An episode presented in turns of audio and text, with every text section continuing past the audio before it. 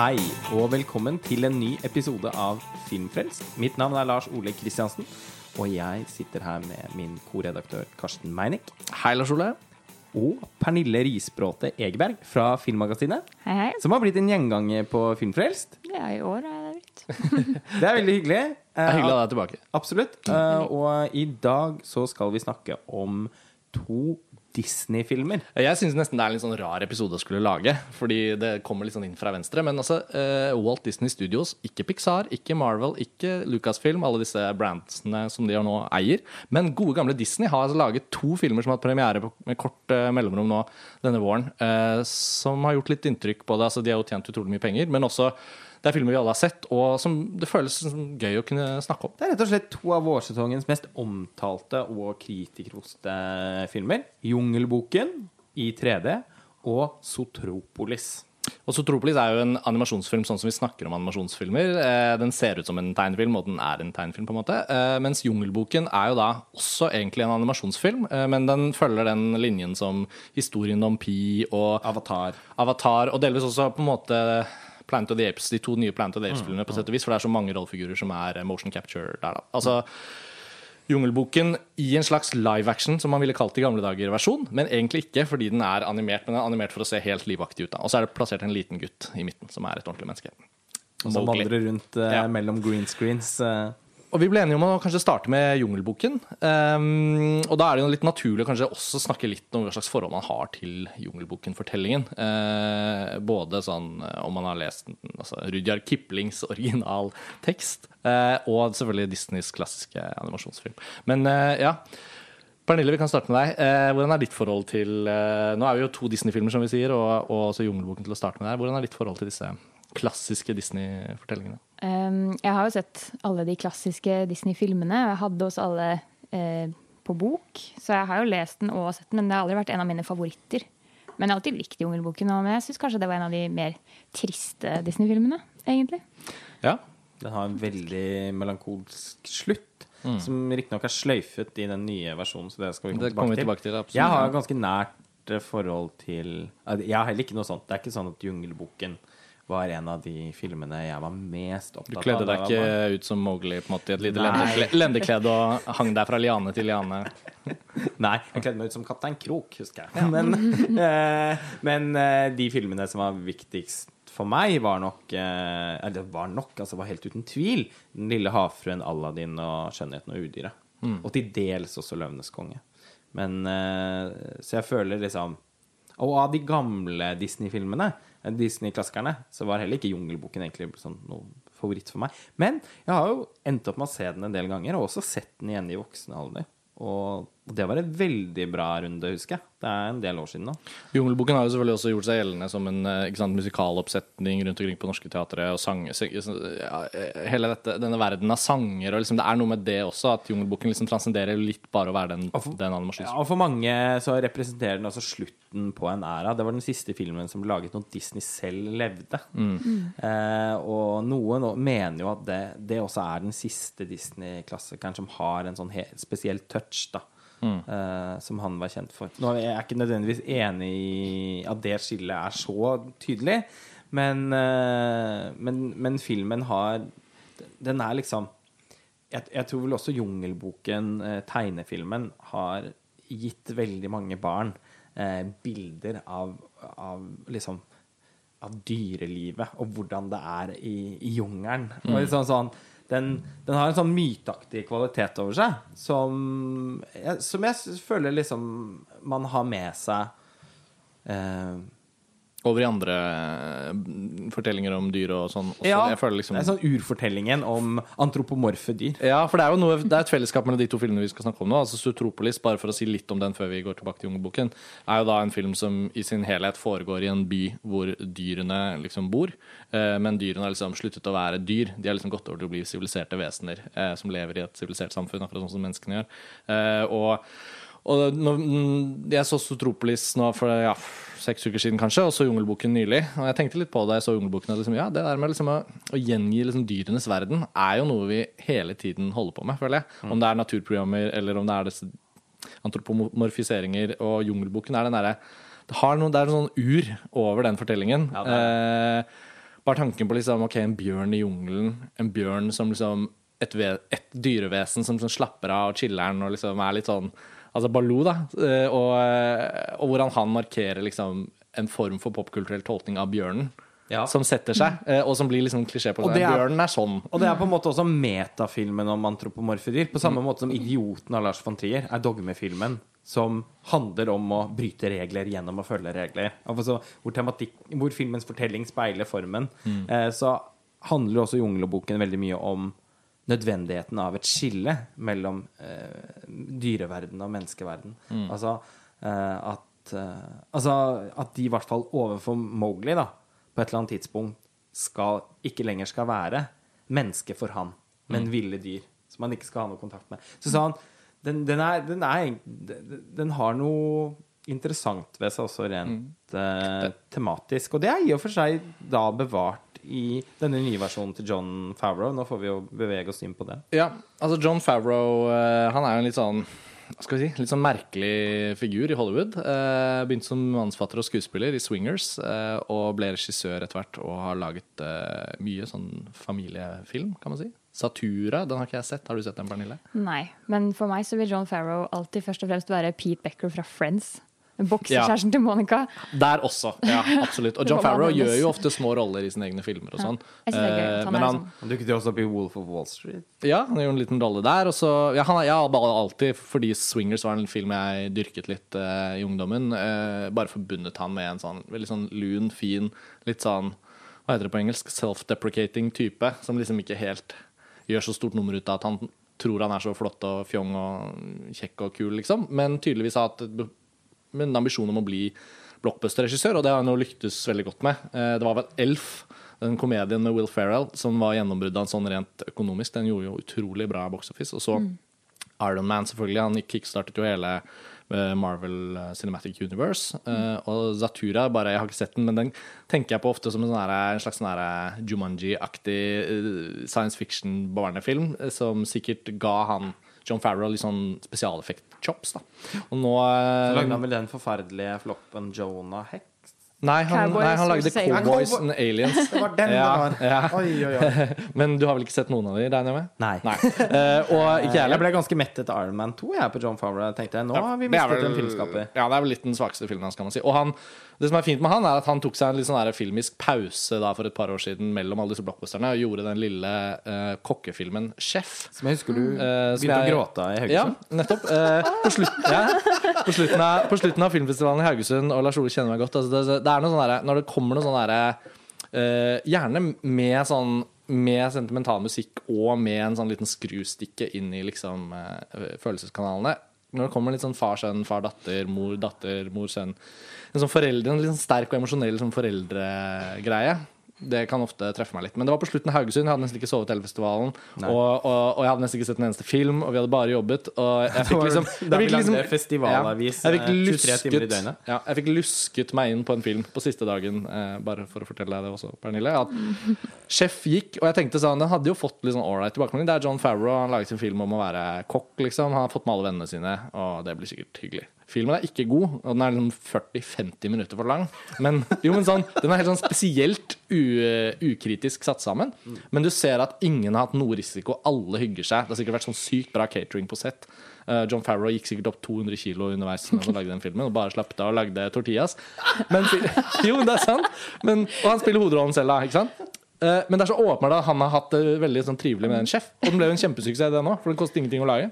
Men det var koselig, høres jo da. kanskje ut som at Jan Vardø kanskje kan lage en norsk uh, Ja, remake det. det hadde sannsynligvis fungert veldig bra. Men det bringer oss til Jungelboken, da, som er jo da et enormt stort, storrisiko, stor, uh, storbudsjettsfilmprosjekt som uh, John Favreau da har gjort nå. Og har også blitt en veldig stor suksess. Sannsynligvis blir det hans største suksess. Og det er interessant at det er akkurat John Favreau som på en eller annen måte har gjort dette. Mm. Fordi jeg tenker at hvis, hvis, Disney skal liksom Ok, vi skal gjøre Jungelboken, vi skal gjøre den motion capture, se hva de fikk til med historien om Pi, den tigeren der, det blir Sherry-Khan Og så se hva de fikk til der, det skal vi få til der. Apene, Plant of Apes. Liksom sånn. Men Andy Circus har et prosjekt med å gjøre Jungelboken motion capture hos Warner Brothers, som nå har blitt utsatt, eh, jeg tror det kommer om to år. Eh, og skal være en av hans eh, For han har gjort én sånn independent-film som regissør, men Andy Circus har gjort mye sånn korregi sammen med Peter Jackson på Hobbit-filmen og sånn.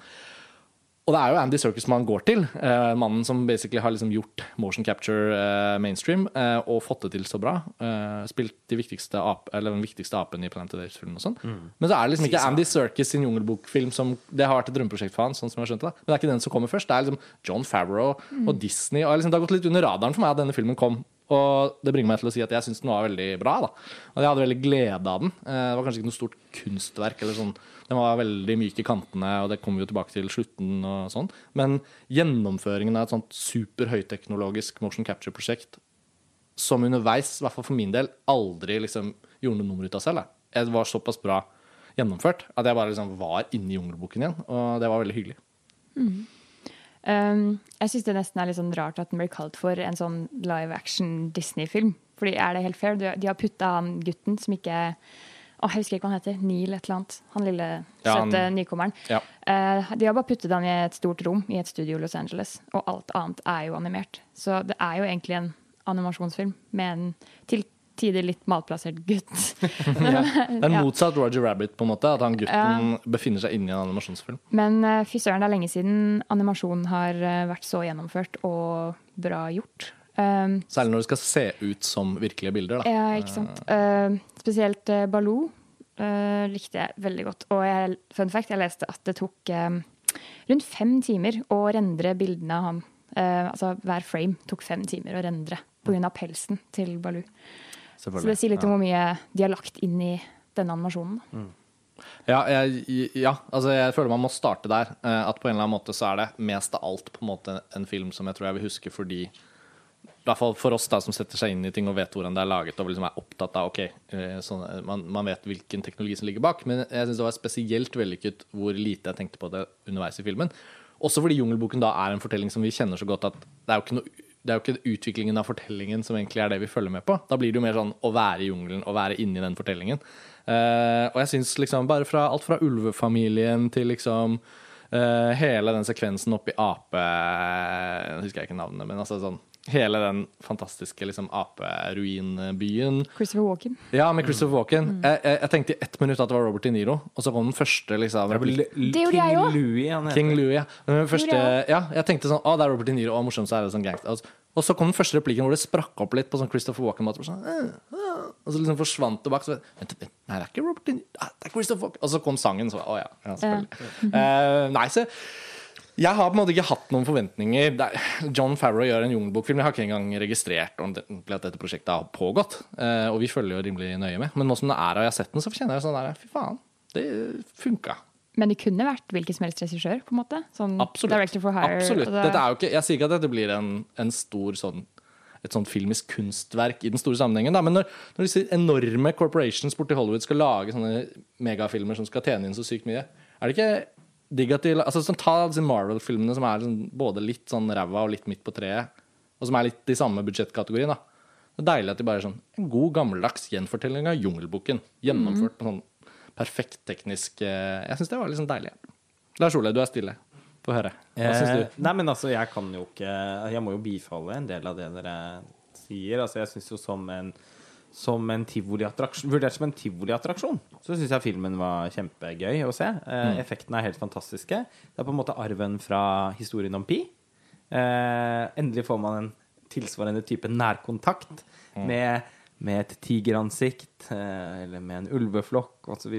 Eh, jeg syns jo særlig den første halvtimen av filmen syns jeg var så slående som en sånn suggererende audiovisuell opplevelse at, eh, at jeg var helt inne i det og var også på en måte hinsides.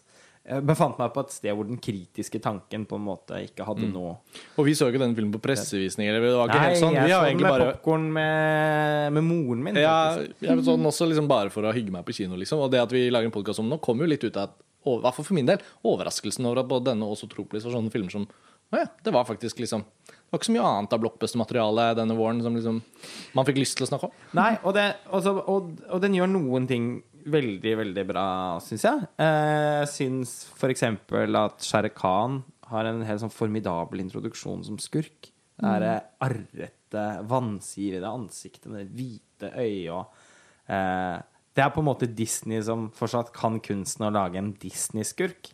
Veldig bra. Ulveflokken, helt nydelig. Ja. Eh, Bagheera også. Kjempe. Altså, kunne ikke vært gjort bedre. Baloo med altså Bill Murray. Sånn. Altså, så, det er Ja, så for- mye av For den her går jo ikke med norsk dubbing på kino i Norge. Det er jo bare de originale engelske stemmene. Så. Ja.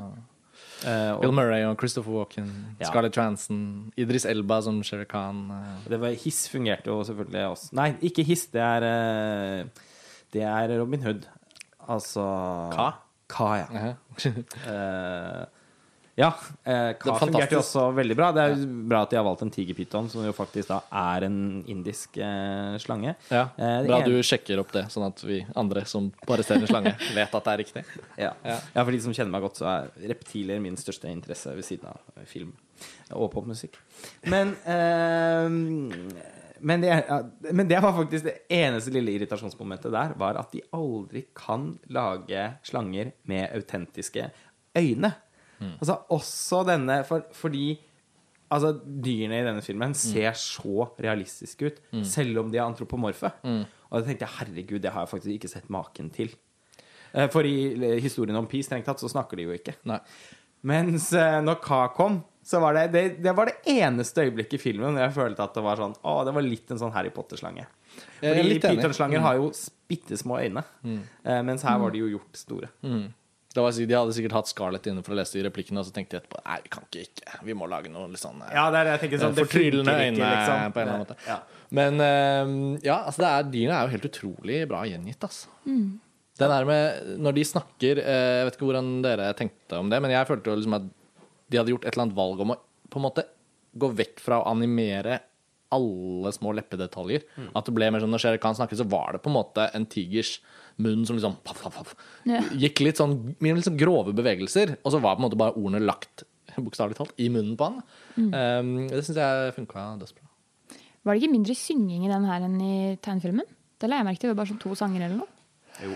Jo. Det var jo bare sangen til King Louie og Da livet Ja. som det faller seg. Men eh, en veldig sånn kort sånn Å, vi bare, vi bare sang den litt! Vi, Ja, vi, det kom helt ut elven. Ja. De Ut av ingenting. Ja, Det virket som de var veldig redd for at det skulle være et sånn musikalnummer. Ja. Så det var det jo da ikke. Jeg satte pris på at ikke det var det. Eh, Jeg tenkte det hadde, eh, hadde kledd filmen dårlig å beholde en så naturalistisk animasjon som gjorde at man liksom virkelig tenker at man er der med disse dyrene. Og når dialogen er liksom på en måte Ja, de beveger leppene sine, men liksom ikke sånn at det blir eh, merkelig. Hvis de da i tillegg hadde hatt en sånn animasjons... Nei, eh, musikal eh. En sånn estetikk hvor de liksom Å, nå kommer musikalnummeret dere! Og liksom inn opp, og fugler som liksom synkront kommer og lager sånne flagg i bakgrunnen. Altså sånn Man frykter jo. Jeg er jo ikke storfan av, av, av animasjonsfilm som er sånn Ja. Disney-musikalene er jo Ja. aldri vært uh, ligget dypt. Men jeg syns 'Skjønnheten og udyret' var, eh, var fin da Da jeg endelig fikk sett den i forbindelse med 90-tallskåringen vår. Ja, tenk at du så den for første gang da. Ja. Det var noe av det som gjorde mest inntrykk på meg tror jeg, hele det året. At du hadde klart å leve et helt liv uten Ja, og, det... hatt en barndom på 90-tallet uten å på et eneste tidspunkt ha sett Skjønnheten under. Men uh, altså Mm. Så mye men, på Seinfeld, da. Men jeg har, jeg må, altså, jeg, jeg, men jeg har også en del innvendinger mot uh, filmen, må jeg si. Altså, jeg syns at den John Favreaus 'Jungelboken'. ja. Altså, en ting er, som du var inne på, Pernille, altså, den er åpenbart litt sånn Den har noe sånn samlebåndsaktig over seg, fordi det er ikke en registemme her å, å spore. Den er veldig sånn produsert for en, for en målgruppe, på en måte. Men, det er, men filmen ser, ser helt fin ut. Eh, men, eh, men det er noe med at jeg syns Én ting er at han som gutten som spiller Mowgli, faktisk da mm, vandrer rundt i et studio med masse green screens. Som en motsatt Roger Rabbit, som du sa, Karsten. Men jeg syns jo også de har klart å finne en, en barneskuespiller som fremstår veldig sånn anakronistisk. Eh, for meg så minnet Det var litt sånn 90-tallsræva barneskuespill. De, eh, de eh, amerikanske familieunderholdningsfilmene som er leide på VHS på 90-tallet, de hadde gjerne den type skuespill. En sånn litt sånn artig Per, som ikke på noe tidspunkt ser ut som en autentisk del av det fiksjonsuniverset. For meg så kunne han spankulert ut av en italiensk restaurant i en Martin Scorsese-film eh, på Lower East Side. Eh, og da, men her så spankulerte han inn i jungelen isteden. Og hadde en veldig sånn oh, come on. Na, na, na, na, na, na, na. Jeg, jeg, jeg syns, og må altså innrømme at jeg syns ikke han hadde noe sjarm, da. Nei. Eh, så det trakk meg litt ut av av filmen. Det, det kom i hvert fall i veien for min sånn emosjonelle innlevelse, da. Og så syns jeg den som fortelling Og det ligger jo i Jungelboken, men den er veldig episodisk. For Mowgli møter Bagheera, Mowgli møter Baloo, Mowgli møter King Louie. Og det er noe med at når man skal fortelle denne historien igjen, og med, og med de type virkemidler som man har i denne filmen, som, som jo gjør at den kan bli så innmari levende, da, sånn at den puster deg i ansiktet, så hadde det også kanskje gjort an å, gått an å gjort noe grep med fortellingen som gjorde at den fikk et litt annet type tempo. Jeg syns i hvert fall luften går litt ut av ballongen sånn omtrent halvveis. Ja, jeg er ganske, jeg er ganske enig med deg når det gjelder han gutten. Men eh, jeg tenker at jeg liksom sånn, har lyst til å Karim som slack. Han har bare vært i dette studioet i et stort grønt rom og forholdt seg til ingenting. Nesten, og skal samspille med noe som ikke er der. Det må være ganske vanskelig. Men eh, som jeg påpekte til deg her om dagen, så syns jeg han minner veldig om eh, The Kazoo Kid på YouTube, for de som har sett den hiten. Veldig merkelig måte å levere replikk på noen ganger og sånn. Men igjen, han er et barn, så han er litt tilgitt for det. Faller kanskje litt på John Favreau, tenker jeg. Altså, Ja. hva, hva velger du som Ja, regissør? altså, jeg jeg du, mener ikke med dette å rette en grusom kritikk mot han gutten. Nei, men Neil altså, Setti, jeg sjekket det nå. okay, hva er det han heter? Det er noe- altså, syv år gammel eller noe sånt. instruksjonssvikt. Jo, og det, og det er det som er interessant kanskje med akkurat denne filmen. da Uh, Alt i hele filmen, bortsett fra han gutten, har John Favreau tid og, og masse superutdannede, jævlig erfarne CGI-kunstnere til å utforme. De kan sitte der så bare sånn ja, litt, ja, altså, akkurat der. Altså bare sånn, Christopher Walken, kan du komme inn og ta den replikken om igjen? Vi, vi utvider litt. Altså sånn det er jo filmskaping ikke på den vanlige måten. Fordi det å bare gå på sett og skyte og si dette er det vi har, det gjelder jo ikke på denne typen produksjoner, egentlig. Og så er spørsmålet hvordan skal han instruere Mowgli, da? Når, når de lager det på den måten. Man kan si at utfordringen må være å lage Baloo eh, og, og huden og, og alt, nei, pelsen og sånn. Men egentlig har jo sannsynligvis her det der å liksom instruere den gutten i den green screen-verdenen og liksom velge hvordan skal Mowgli være, liksom. Det har sikkert vært en av de aller største utfordringene for han som regissør. og, og så tenker jeg, ok, nå skal jeg gjøre en liten sånn Favreau-analyse her. Han. Jeg har inntrykk av at han, helt siden liksom Swingers, på en måte, er en litt sånn fyr som ba- helst vil at bare alle skal liksom komme overens. Jeg kan kjenne meg igjen i den typen liksom, hvor du liksom bare Ok, men hvis jeg er han som bare alltid får andre til å ha det bra, og bare hyggelig og det er god stemning, og, og de der tortillaene fra Chef og sånn og, og Scarlett Johansson blir med og gjør noen scener, en liten rolle, og klipperen får ikke beskjed om å måtte ta ut noe. For det er, dette, denne filmen har vi bare laget for det er sånn, det er sånn ålreit. Tenker jeg så står han der green screen-settet med han lille Neil Setty, og så bare sånn prøver han å instruere ham til å spille, og så bare Oi, nei. Han er ikke noe Jacob Tremblay, for å Nei, si og det sånn. så blir det litt mer sånn kanskje, ser ut som han har gått for den derre Bare vær deg selv. Neil, du, hvis du syns liksom Det er sånn Oh, that's so cool! Bare si det. Yeah. Ikke sant? Så jeg føler at den Mowgli vi har fått, er en sånn kid som har fått beskjed om at det er ikke, du trenger ikke egentlig spille. Frihet fra manus. Bare, ja, bare vær deg selv. Bare vær en liten seks-syvåring. Ta livet som det får seg. ja, ta livet som, og se på den skjermen her. Det er sånn du kommer til å se ut rundt deg. Oh, that's cool. Bra, bra. En gang til. Skjønner du? Og jeg, jeg, jeg plagdes ikke av han uh, i filmen uh, sånn som det er i Lars. Altså, sånn, jeg så selvfølgelig at det var ikke en sånn stor rolleprestasjon, men det var noe med at han på en måte bare Det, det funka, da, syns jeg. Og det, det, det lille jeg hang meg opp i litt, var vel bare at jeg syns det er litt sånn synd når når de skaper et såpass sånn detaljert og ganske truende jungelunivers og dyreunivers. For det er ikke, føles ikke som en sånn barnebarnefilm.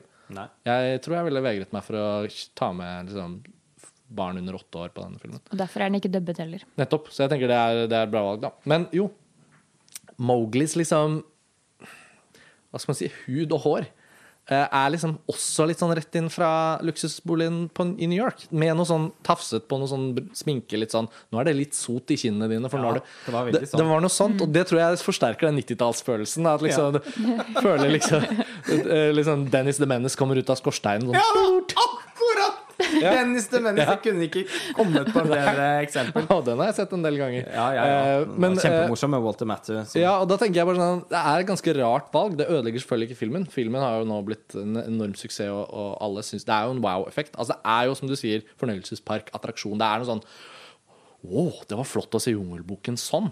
Så øh, det, gjør ikke at filmen kollapser, men det er så rart at ikke de har liksom Hvor lite hadde det kostet dem å, å gi Kanskje caste en Mowgli som ser ut litt mer furet av livets Han har vokst opp i en hule full av ulver, liksom. Og når filmen gjengir ulvene som ekte, og gjengir naturens brutalitet som ekte, Det er litt rart at Mowgli liksom kommer ut av Lano Han har skutt en Lano-reklame ved siden av, og så liksom Hei, dere. Nå Ja. jeg også på dette, nå sklir det veldig ut der. Ja, men jeg måtte henge meg på litt. også på den scenen i altså, mm, Det er en stund siden jeg har tenkt på Dennis the Menace.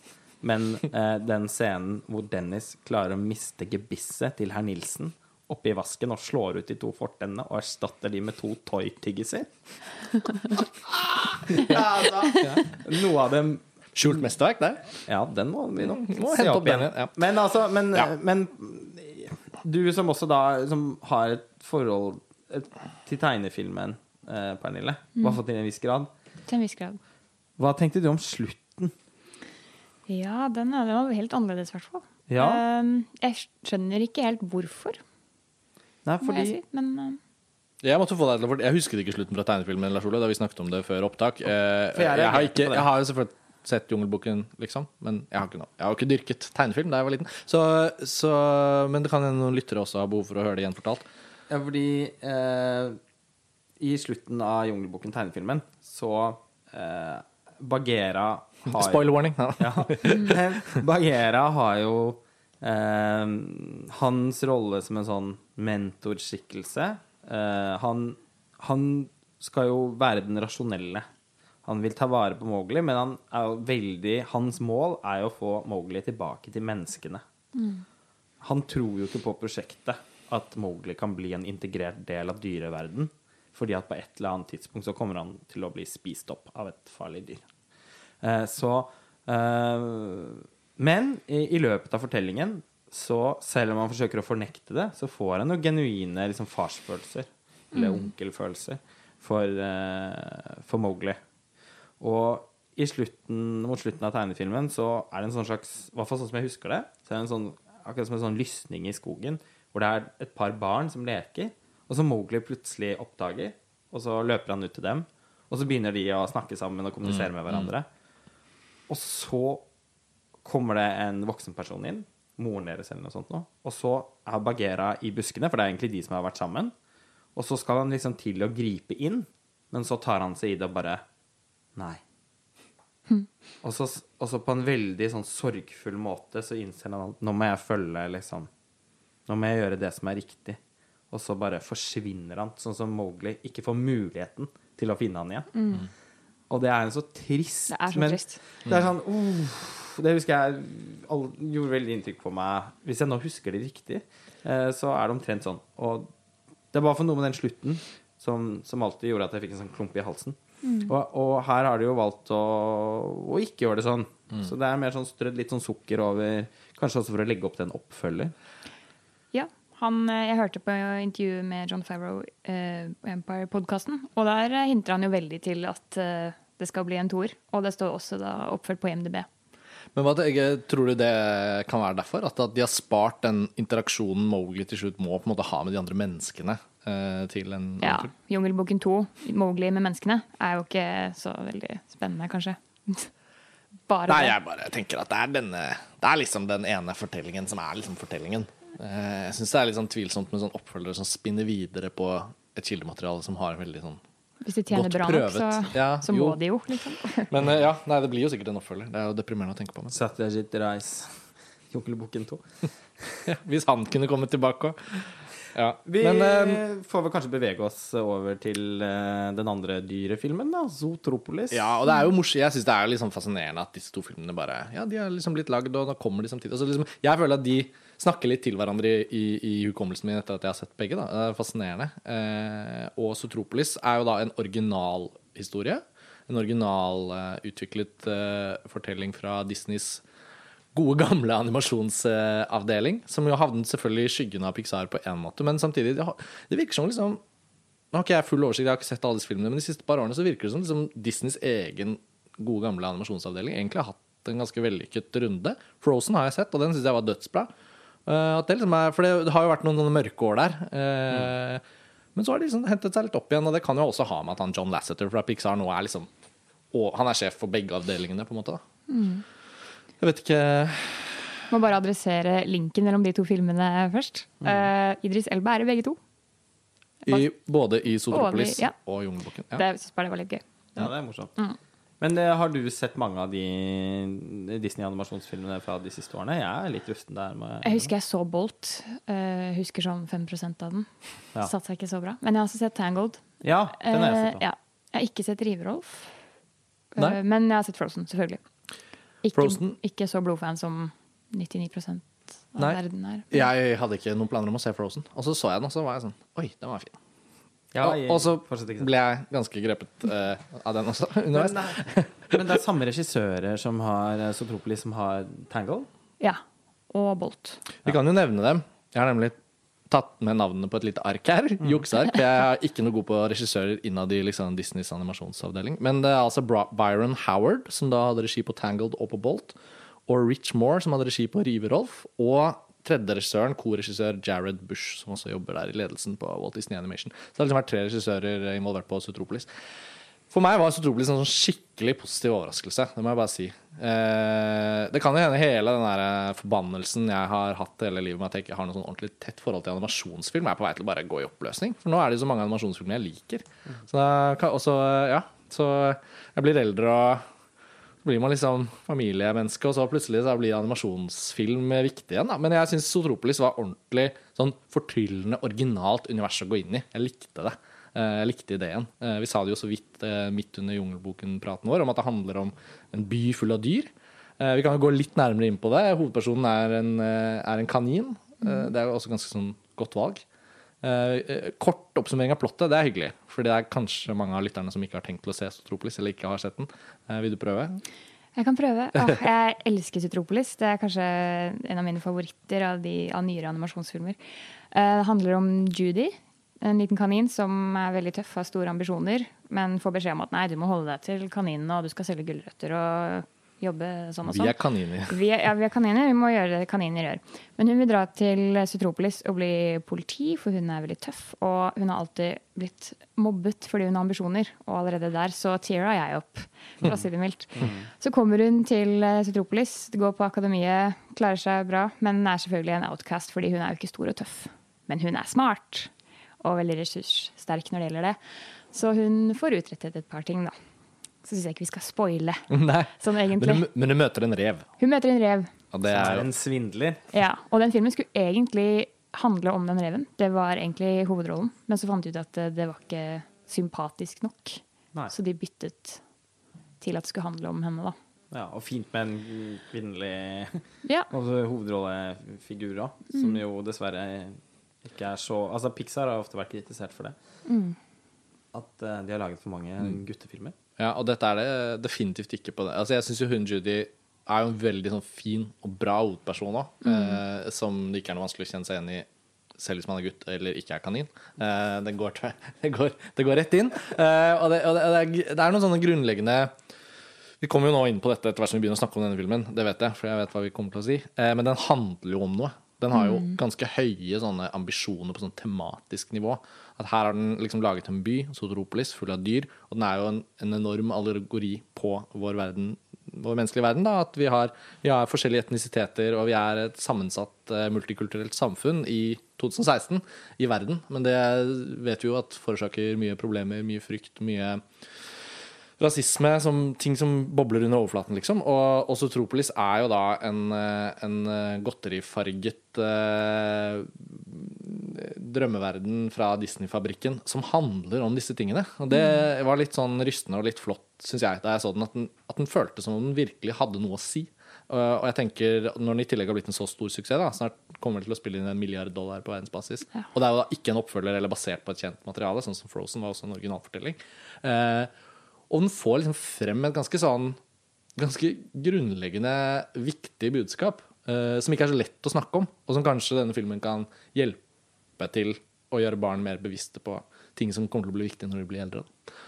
Så det var del, noe av det som, som jeg satt veldig igjen med da jeg var ferdig. tenkte jeg, faen, denne handlet jo liksom Denne fikk jo sagt veldig mye om ting vi leser om i avisene eller leser på Dagsrevyen. og sånn, Så det var ikke det jeg forventet av en sånn kaninhovedperson, Sutropolis, Disney Tidvis selvrefererende og ganske humoristisk film. Men, eh, men for meg var det sånn Oi. Også veldig mørk. eh, Ja. Ja. Det syns i hvert fall du, Lars Ole. At den var mørk.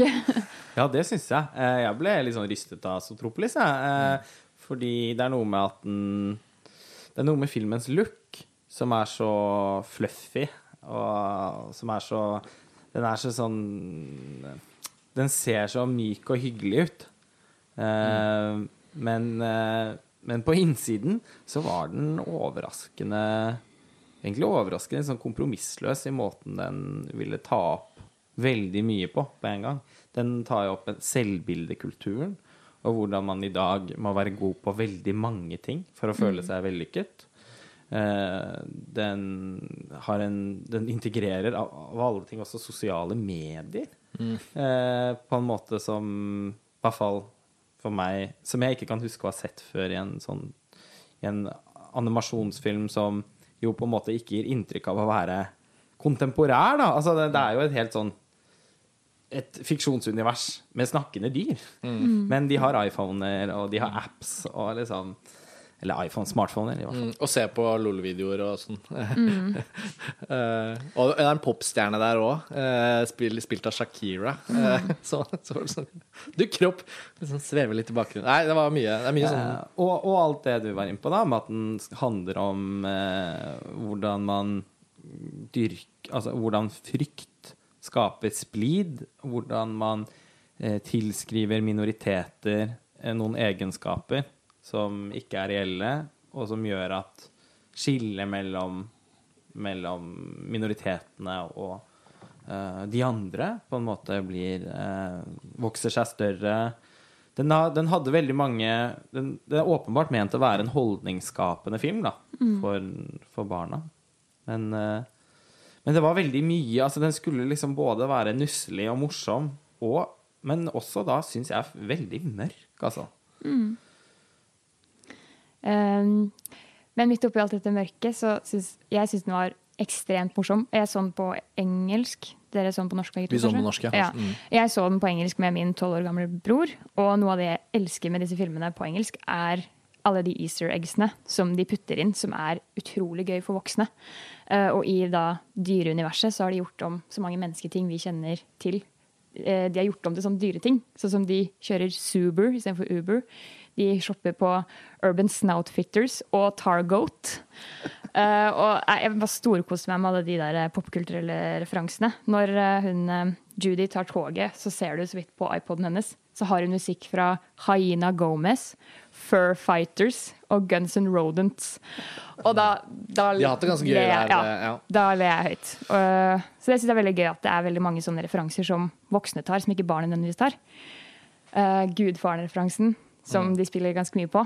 Og selvfølgelig det beste altså Da virkelig Da vant filmen meg over på slutten. Den Breaking Bad-referansen. når de to sauene heter Walter og Jesse.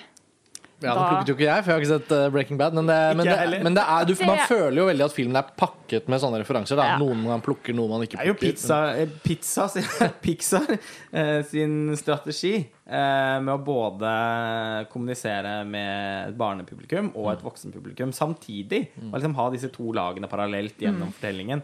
Og, Det har jo smittet over på hele Disney-tankegangen. eh, åpenbart. Og John Lasseter med, med, med Men Det funker jo veldig bra. Nå skal jeg si det. Jeg syns faktisk den Gudfaren-referansen ble sånn overtydelig og døll. Den syns ikke jeg var morsom. Men eh, jeg syns det han, eh, hva slags type mus var det igjen? Eh, ja. En slags ørken... Men det var bra på engelsk. Altså Stemmen var så Marlon Brando som det får blitt. Ja, det var jo ikke den norske, da, selvfølgelig. Nei. Det var var, eh, jeg syns altså. til Linni Meister av uh, Datteren. datteren til mafiabossen meget kostelig. Jeg var for opptatt av at jeg hadde så fantastisk glede av at inne i Sutropolis, byen hvor alle dyrene levde side om side, så var det også gjort plass for at gnagerne og de minste dyrene hadde en by i byen som var som en sånn mikroby. Så den der, jeg vet ikke, jeg har ikke noen gode eksempler nå, da, men små, store fornøyelsesparker som man sneier innom i løpet av sin barndom, så er det ofte sånn lille mikroland, eller sånn lilleland, eller bla, bla, bla. Hvor det, ja, men du skjønner hva jeg mener? Altså, Lilleputtland. ja, noe sånt er Jeg har ikke vært på eh, noen som sikkert er de store, flotte som andre har vært på, men sånn Man kjører hit eller dit, og så sneier man innom et sted, og så er det et sånt lite sånn tog som går gjennom en sånn liten by, og så er man veldig stor selv. Altså, det hele det perspektivet gir en liten følelse av at oi, det er gøy å tenke på at ting kan liksom endres i størrelse, bla, bla, bla. Men i hvert fall i den filmen så, det, så er det jo gjort så, så elegant fordi man får ikke se at det er en greie før midt i en sånn jaktsekvens hvor hun hovedpersonen eh, forfølger hva slags type dyr? Eh, Røyskatt. en røyskatt som har eh, stjålet noe løk eller en type sånn plante som blir viktig senere. Og så plutselig så er det inne i mikrobyen, liksom, hvor de da blir som sånne Godzilla-aktige eh, skapninger. da, Mens de er jo blant de små i sin verden. Og, jeg, og hvordan filmen bare sånn helt uanfektet bare plutselig gjør den endringen, og kameraet får en helt annen posisjon. Og liksom plutselig løper de med masse mus. Det syns jeg hadde jeg så sans for. Og jeg føler jo at den gudfaren-referansen fordi det er han mus, musepappaen og sånn, så, så da er det liksom en forlengelse av den. Så for meg var det litt sånn, ja, det er en popkulturell referanse til gangster, den klassiske gangsterfilmklisjeen, men jo, gjorde meg ikke så mye. Men dere skulle absolutt hørt det på engelsk. For jeg, jeg vil tro det er helt annerledes. Jeg kommer til å se denne filmen igjen, for jeg, det er sånn her film jeg har lyst til å ha. og Liksom, den går inn i kanoen for meg, den. Litt. Men altså, den uh, lilleputtsekvensen var mm. var isolert sett var helt uh, fantastisk. Også morsomt når de da går inn i en av leilighetene hvor det er en hamster som virvler rundt i et sånt løpehjul, og som har en sånn vanntåteflaske. det er sånn hamsterne har det hjemme, også Ja. her. Eh, Det er den- veldig veldig oppfinnsom, syns jeg. Han klarer, han klarer å utnytte de morsomhetene. Egentlig litt sånn sånn Nå har vi ikke snakket om det, det er merkelig nok, men 'Innsiden ut' er jo også en av disse veldig alvorlige utrolig bra eh, animasjonsfilmene som har kommet de siste årene, hvor det virkelig liksom handler altså sånn tematisk og innholdsmessig sånn oh, dette handlet jo virkelig om.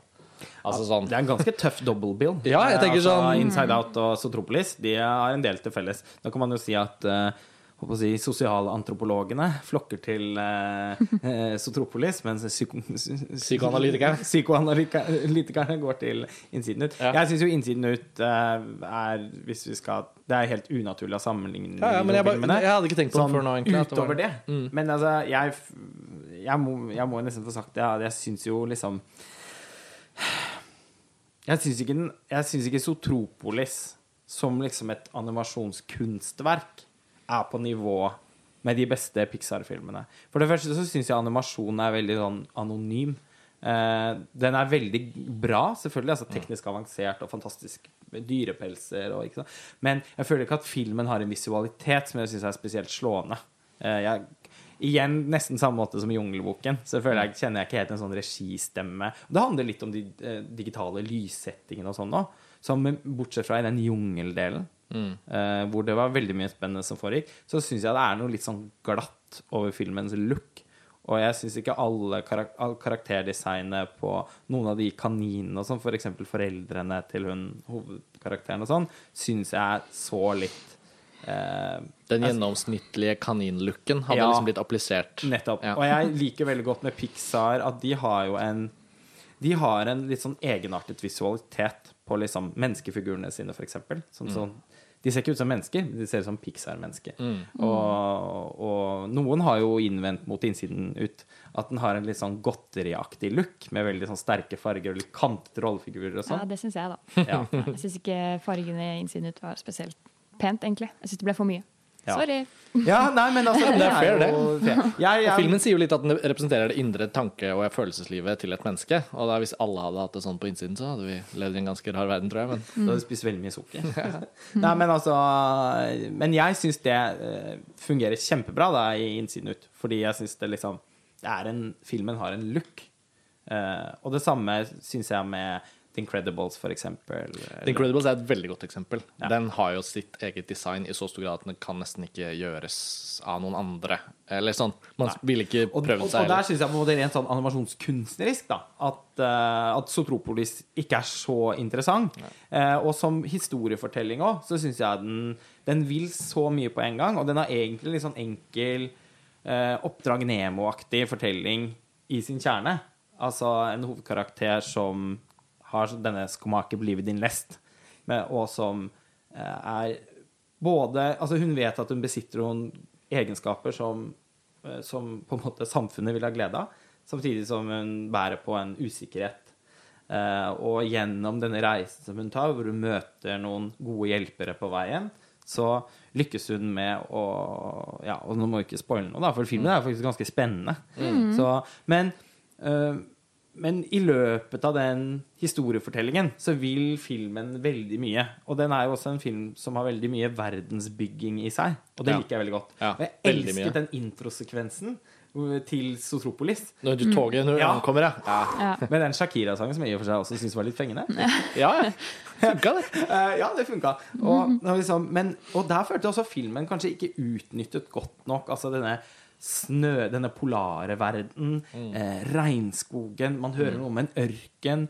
Så kan man si at her skal man sikkert også lage oppfølgere, og man Sikkert. skal få, få bli kjempe. Ja, men, jeg, men den verdensbyggingen da som var der, den følte jeg liksom på en måte kanskje glapp litt underveis. Ikke at det er så farlig, men det bare eh, det, det forsterker følelsen min av at filmen i løpet av sine 1 time og 50 minutter vil veldig, veldig mye. Det er mange karakterer. Jeg syns f.eks. også de som viser seg å være hovedskurkene til slutt, ble for meg for twistaktig. Altså sånn fordi eh, det var ingenting som tilsa at ondskapen skulle komme derfra. Det var noen ting i historiefortellingen som jeg må innrømme at jeg ikke syns var så veldig bra.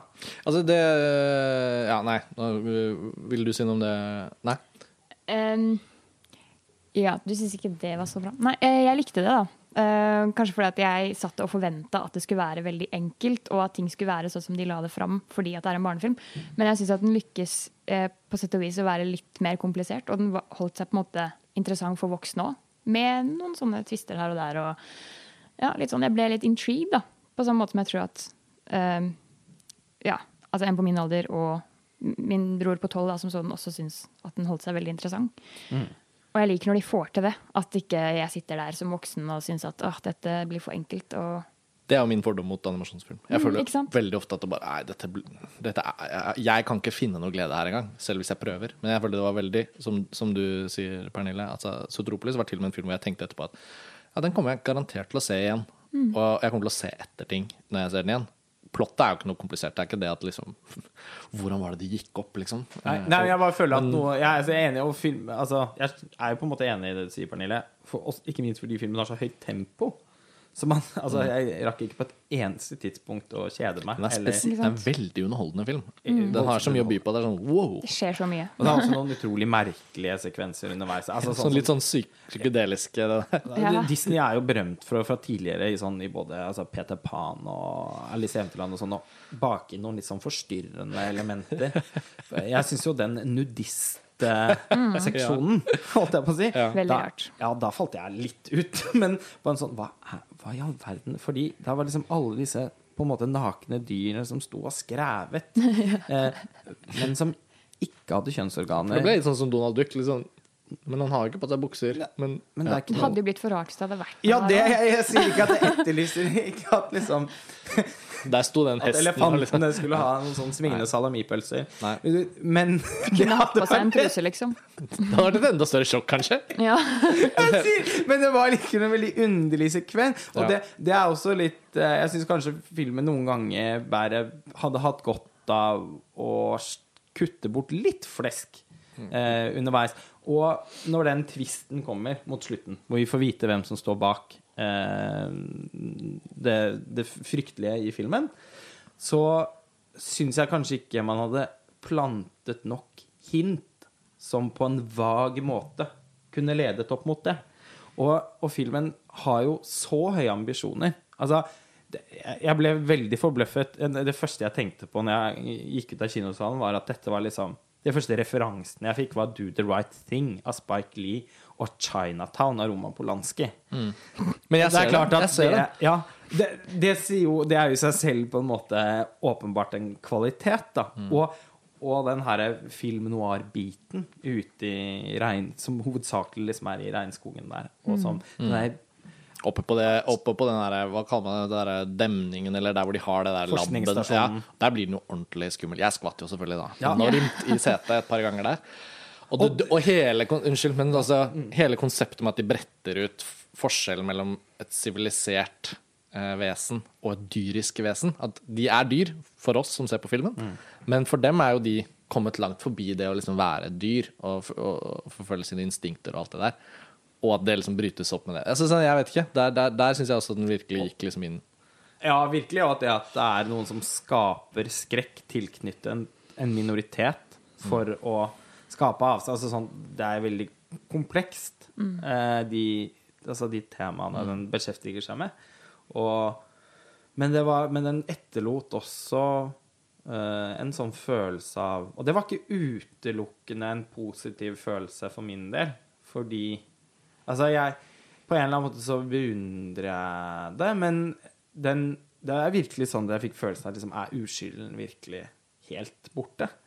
Dette er jo Det er langt mellom Bambi og Sotropolis, på en måte. Altså sånn skal barna våre vokse opp i en, en tid hvor alle typer fortellinger har det alvoret i seg. Og, men som sagt, jeg har tro på at filmen som, så, rent sånn, at den er holdningsskapende da, på en positiv måte. Og jeg tror den kan være morsom og jeg tror den er veldig morsom å dykke inn i. Det føles som en ganske vesentlig film. Så jeg tror den kan være morsom å dykke inn i og, og, og litt sånn overanalysere. Mm. Jeg tok meg jo selv i å tenke liksom de spyfluene som eh, og, og insektene og sånn, som de prøver å holde på avstand fra, fra noen blomster og sånn, det er de eneste dyrene i filmen som ikke besjeles. De gis ikke en stemme. De gis ikke noen stemme liksom, er det. Og så begynte jeg å tenke på oh, det er litt sånn man, Det er litt sånn jeg føler at vi behandler romfolkene i De, Oslo. liksom ikke har, de har egentlig ikke noe de skulle ha sagt. Nei. På en måte. Ja, det er litt sånn uggent. Ja, den har mange sånn ugne elementer i seg som jeg tror at kan være spennende å Forhåpentligvis er det ikke så mange av de minste barna som trekker den sammenligningen.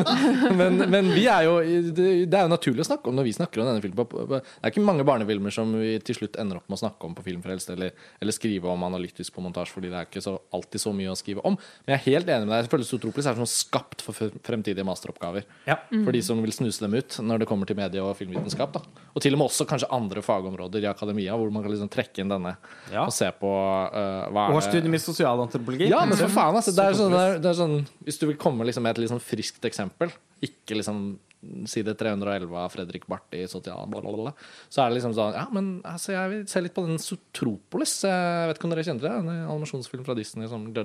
For den har jo på det tematiske og det derre en refleksjon av samfunnet vårt-biten, så har den jo også like mye ideer som den har av popkulturelle påfunn og sånn og sånn. Og det var hovedgrunnen til at jeg fikk veldig lyst til å se den igjen. var liksom bare sånn for å hvor mye er det de liksom prøver å bake inn her? Eh, og, og som du er inne på, Lars Ole, er det noe som også er litt sånn ugreit, eh, som de gjør, da? Man kan jo nesten si at det ikke er en barnefilm. Det er ikke en ren barnefilm. Jeg føler at jeg hadde like mye glede av den som de andre små i salen. For når, Ja. når de ikke lo, så lo jeg. For da var det noe til meg der. Ja, og på, og, Jeg følte nesten at jeg hadde mer Ja, for- utbytte av Fordi det var det, Under den visningen jeg var på, det var ganske stille. Å ja. Du har barna. veldig mange barn eh, i salen med deg. Det var ganske stille. Å ja. Jeg hadde den opplevelsen da jeg så innsiden ut. Jeg så den med originaltale og engelsktale. Eh, den gikk på sånn kveldsvisning på Colosseum, eh, og det var ganske få barn der. Og de barna som var der, var jo sannsynligvis sånn diplomatbarn eller sånn, for den var jo ikke tekstet heller. Så det var sånn De hadde sikkert satt den opp, da, fordi Uansett, eh, følte virkelig Da tenkte jeg sånn Er denne filmen så mye for voksne at den liksom ikke er noe gøy for barn? Jeg var på en Jeg tror vi var innom det på årslistepodkasten. Vi var det. For jeg så eh, innsiden ut eh, på norsk første gang. Eh, jeg var jo også med på den visningen som du var på, Ja, ja, ja. Med, på engelsk, men så den på norsk første gang med en sal med nesten bare barn og foreldre. Og det var altså så lite respons. Mm. Det virker, ja, Det var nesten så jeg tenkte sånn og slett sånn at de kjeder seg litt? Sover Ja. de, eller er de mesmerized? Ja, ja nettopp. Og det er vanskelig å vurdere. Men jeg fikk en følelse at de ikke var så mesmerized. Ah, ja. At kanskje den òg tipper over i at liksom Men Sotropolis tror jeg lykkes med den Da jeg så Sotropolis, så var det god stemning. Er en veldig mye bedre film. Ja, jeg mener ikke Men- sammenligningen nødvendigvis for å sette de som kvalitetsmessig opp mot hverandre. For jeg syns også Innsiden ut har en helt annen kunstnerisk approach med prosjektet sitt, som stiller den i en, kanskje en litt annen kategori. Men noe av det jeg kanskje da hadde mer sans for med Sotropolis på den andre siden igjen, var at liksom det er jo ikke noe sånn, De finner jo ikke opp animasjonsuttrykket på nytt. Jeg følte jo, tenkte jo aldri på det. At som et designet animasjonsunivers så sitter jeg liksom og ser nyvinning liksom finne sted. Nei. Tvert imot så følte jeg liksom at Det var som om liksom de hadde satt opp en sånn grid, da, nesten sånn Truman Show. Sånn, OK, her er det. Alt er på plass. Vi trenger ikke liksom tegne noe mer her. Her er liksom Vi har universet vårt, og så har vi alle disse tingene vi skal få fram. Så er det storyen som Ja, det er story, det er tematikk, det er liksom alle disse tingene og masse ideer og sånn og sånn. Uh, som på en måte var fair, da. Jeg syns ja, det har den gjort, liksom. Eh, og så kan, uh, ja, så kan Pixar og japanerne og da kan noen andre skape nyvinning, på en måte. Enig. Tror du den blir stående, Pernille, når man skal oppsummere året? Eh, jeg tror kanskje den gjør det hos meg, altså. Det blir sånn min innsiden ut, som det var for Mm. dere, kanskje. Hvordan er det med Pixar i år? Er det noe, kommer det noe Ja, Oppdrag Nemo 2. Oppdrag Dory. Ja. Oppdrag Der er Dory, også ja. Idris Elba. Nei! Jo, helt sant. uh, hvordan går det i redaksjonen for Idris Elba-fans Norge, Pernille? Er det, har, dere, har dere hatt uh, mye oppdateringer i det siste, eller er det hvordan? Eh, Jeg no, liker no comment. No comment. Han er jo en veldig bra skuespiller. Mm. han Mm. Veldig bra stemme, Jo, Veldig bra stemme, herregud. Det er ikke det, Idris Elba. Men det er gøy at du har så god oversikt. Men altså, man kan vel også snakke om at For det tenkte jeg litt på. Og det er jo både Innsiden ut og Sotropolis oppmuntrende eksempler på. da. Men jeg føler ikke helt nå at vi lever i animasjonsfilmens gullalder lenger. Altså, for ti år siden så Altså, så kjørte Pixar ut det ene mesterverket etter det andre. Hayam Yasaki lagde noen av sine beste filmer. Eh, altså, nå er vi der at Pixar eh, Altså, når Innsiden ut hadde premiere, så var det fem år siden Pixar sist hadde levert noe man kan si at er et mesterverk. Og de har laget en annen film i mellomtiden som ingen av oss har tenkt The noe Good på. Dinosaur. Ja, som bare kom og gikk. Så, og, og for alt vi vet, så kan også Oppdrag Dory vise seg å være en ganske sånn døll, Ja, Den er ingen, fantasiløs altså jeg. Oppdrag Nemo er for meg en av de liksom, hjertefavorittene fra Pixars mm, Hva skal man si? Gullalder Eller jeg vet ikke. Ja. En, da de lagde originale filmer hele tiden. da Mm. uh, Ingen oppfølgere og sånn. Uh, bortsett fra Toy Story. Uh, Oppdrag Dory Ingen av de klippene og trailerne jeg har sett, for jeg har vært litt nysgjerrig. Mm. Det virker, det virker som det bare skal være sånn film hvor det er sånn store haier som lager store smil. Og sånt. det som er det kjedeligste med Ja, så, sånn originalen. ønsker, ønsker i Ja, ja, altså Her kommer skilpadden og så bare wah, wah. Likte du ikke Shark Tale, altså? Den så jeg aldri. Den så jeg at ikke var for meg. Jeg kommer nok ikke til å se Finding Dory, det tør jeg ikke. Men jeg gleder meg til Toy Story 4. Bare sånn, Ja, det vet jeg ikke om jeg Nei. Incredibles Jo, 2, den kan jeg glede meg litt til. For der skal Brad, 2 med Brad Bird Det er jo den lage eneste. Pixar-filmen som jeg virkelig har dabba etter å få en oppfølger til. Ja. Uh, og så i og for seg Toy Story, da. Fordi jeg syns jo Toy Story-trilogien som helhet er bare Mm. noe av det aller beste. Og nå har de hatt så god tid på den fjerde, så de kan ikke Altså jeg føler at de har ikke lov til å skuffe oss. Det er jeg enig i. Jeg vil også velge å stole på Pixar der. Uh, Finding Dory Jeg føler jeg må jo se den, men uh, den Mm. Men du- er jeg du- avventende til. Men jeg, hvis du fortsatt ikke har sett Frozen, den Nei, det har jeg syns jeg den syns, jeg kjøpte den på Blu-ray. er det, liksom, det, det er ikke det at den nødvendigvis kommer til å bli din film, nødvendigvis. Men jeg ble så overrasket over hvor bra jeg syntes den var. Som en sånn Ja, og jeg så Tangled og likte den kjempegodt. Så Mm. jeg skal definitivt få Altså Frozen har blitt et så stort popkulturelt fenomen. Ja, det er egentlig helt hovedårsaken til at du burde se den. at jeg ikke har sett den. At du ikke kan plukke de Men, eh, men Mm. eh, det må jeg få gjort. Men, men jeg tenkte også altså, OK, men vi- Pixar er ikke så pålitelig lenger, da. Som en sånn leverandør av fantastiske, Klassikere, nesten klassikere. Mm. Eh, Studio Ghibli sliter litt. Altså, Hayao Miyazaki er pensjonert. Isao Takahata vil sannsynligvis heller ikke lage noen flere filmer. Eh, det er snakk om at hele Ghibli skal, studio skal ta seg en pause. Finne seg selv på nytt. Altså, det er ikke så der, Nettopp derfor er det så gledelig når det kommer da to sånne filmer som Innsiden ut og Sotropolis mm, ganske tett på hverandre, da. Så blir man jo likevel påminnet om at Slenge på Lego Movie. For meg var den helt utrolig. Ja, den var fantastisk. Det er I en helt annen verden. Det er jo ikke Disney, men Snart kommer også The Secret Life of Pets. Mer snakkende dyr. Hva, Ja. hva er det for en film? Det, er, det kan være litt morsomt. Det er på en måte litt sånn Tør jeg å si Toy Story bare med dyr? Altså Det er sånn hva dy, kjæledyrene gjør når vi er på jobb. Hva som skjer, ja. Og den traileren er faktisk utrolig morsom. kanskje. Hvorfor ikke? Altså, er det Eh, Disney, eller er det Dreamworks, eller Nå fikk jeg jernteppe. Jeg kan sjekke det mens vi snakker. Ja. Eh, Ja, for nå ser jeg for meg sånn en dyrebutikklokale. Men, Når, de ansatte låser seg ut. Men er det noen av dere som vet hva som foregår i Irland med det der Song of the Sea og Secret Life of Kells og sånn? De har jo liksom fått disse Oscar-nominasjonene. Jeg har jo ikke prøvd å se noen av de, fordi jeg, det er så lang vei for meg å, å dykke ned i animasjonssubkulturer her og der.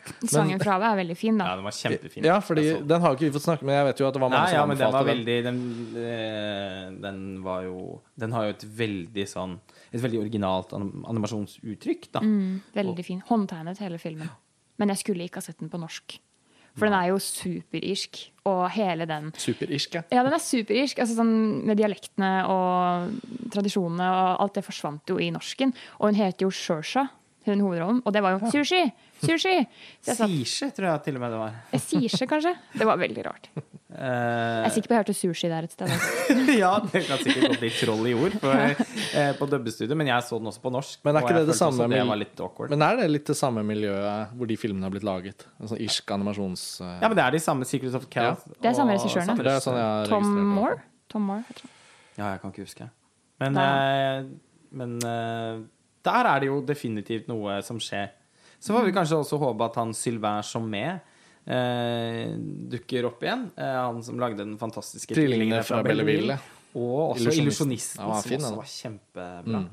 Så Det er et studio som er en film som kommer nå, eh, som jeg ikke husker hva heter. det studio, Men det er Den lille prinsen har jo ja. premiere i mai. Den har jeg sett. Som var avslutningsfilm med Cannes i fjor. Ja. Eh, og som Det virker som den norske distributøren Selmer Media, som er sånn nyoppstartet i hvert fall, Eller de har jo holdt på en stund, men de har ikke hatt sitt eget liksom, kinolanseringsprosjekt. Men det har de begynt med nå. Og de skal slippe Den lille prinsen. Eh, virket som de hadde veldig tro på det. Hadde fått liksom dubbet den og gjort liksom Den her skal storlanseres nå i mai. Ja. Blanding av eh, ganske fin animasjon som minner litt om Disney, og stop motion, som er lagd av papir. Så det er ganske morsomt. Den så interessant ut. Det var samme regissør som Kung Fu Panda. Altså.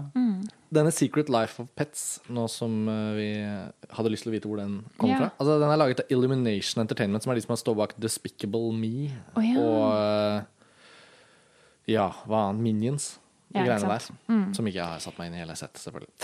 Uh, vi får begynne å runde av. Nå kom vi Vi litt må- inn på en slags sånn animasjonsfilm-oppdateringsprat, men kanskje det var litt ålreit når, vi først- når vi først har det. Som sagt, Jungelboken er jo en animasjonsfilm, det òg, med et lite menneske i midten. Um, hvordan skal vi oppsummere?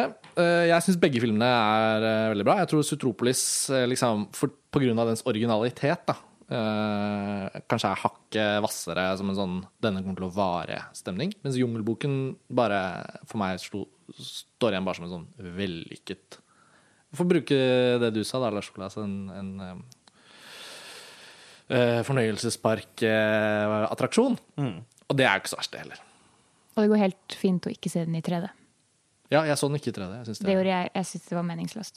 For å være helt Ok, ærlig. Lars Ja. Ole, hvordan så du Jeg så den på 3D, og, eller i 3D. Jeg følte liksom at det var, var en del av opplevelsen. Ja. Jeg syns 3D-en gjør det for mørkt. det.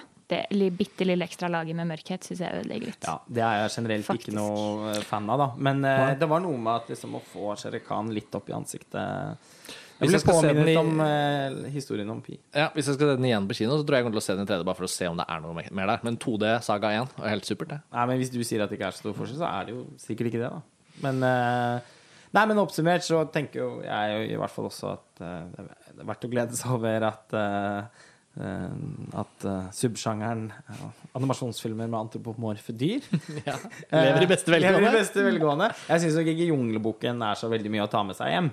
Eh, utover en popkornopplevelse på kino. Eh, og jeg har noen innvendinger mot Sotropolis også. Eh, men totalt sett så syns jeg den blir såpass interessant. Og føles som så, såpass vesentlig bidrag til animasjonsfilmkanoen. da. At det er en film som kommer til å vare, og som det kommer til å bli spennende å gå tilbake til. Jeg, som, Noen bevingede avsluttende ord, eh, Pernille? som sagt, Soropolis står igjen som en av mine favoritter, sikkert i, fra året òg. Hadde den beste Breaking Bad-referansen jeg har sett, som jeg har sett i mange filmer. Jeg er så glad i Breaking Bad, så er det bare avrunda alt, for det er på slutten av filmen. Så det er bare jepp. Ja, Innertier. Vi må få sett Breaking Bad, Karsten. Det må dere, og så må vi snakke om det. Jeg Nei, jeg klarer meg inntil videre. Det er så mange sesonger, så mange episoder, og jeg vet hvor bra det er. So. Tenk hvor lenge man skal leve. Tenk hvor mye sånn tid som som skal slå i hjel på et tidspunkt. The Wire, Breaking Bad, ikke sett noen av de. Kan ta det senere. Da tar vi det et maraton når vi sitter i gyngestolen. Ja, jeg, tenker, for jeg velger Men eh, ja, nå skal ikke begynne en ny prat, men jeg velger jo vekk mye serier fordi jeg prøver å prioritere tiden min på å se film. Eh, og da er det jo ofte sånn at jeg tenker spesifikt på de beste seriene. Som noe som Hvis det er liksom syv-åtte sesonger, så skjønner jeg at OK, det er dødsbra, alle anbefaler det. Det skal ses en gang. Men da er jeg litt hypp på at liksom rammene sånn i hverdagen da, skal være litt sånn at da kan jeg se det. Mens jeg føler liksom å begynne, og så ikke strekke til. Og så får man en slags dårlig samvittighet, og så blir det sånn Nei. Så det er mye lettere for meg å gjøre sånne rene kutt. Ja, men jeg har litt den samme approachen som Karsten, men jeg har en veldig stygg uvane, da, som er at eh, Fordi jeg prøver også da hele tiden å prioritere å se film, men så må jeg liksom også ha en litt sånn detox fra all denne festivalfilmen og Men du går jeg går da litt lenger ned, i, fordi da vil jeg ha liksom noe sånn Det jeg kaller da for ekte-TV. Så da ender jeg opp med å se på Paradise Hotel og RuPaul's Drag Race og Top Model og den slags. Istedenfor å se på break. Jeg merker dette, er, sånn- dette er premisset for en helt egen episode. Ja, vi må uh, vi får eh, avslutte der. En slags cliffhanger. Eh, men vi har nok vært innom det mange ganger. Nå er vi oppe i 200 og whatever episoder. Det, det, det har nok blitt nevnt før. Men uansett, hyggelig å konkludere med at Disney lager fine, velfungerende kinounderholdningsfilmer som det er verdt å snakke om i en hel time. Takk for at dere hører på Filmfrelst. Pernille, takk for at du kom og var med som gjest nok en gang. Takk for meg. Gleder oss til å ha deg tilbake. Lars Ole, vi snakkes jo snart i en ny episode av Filmfrelst. Eh, Det var det for denne gang. Ha det bra. Ha det. Ha det.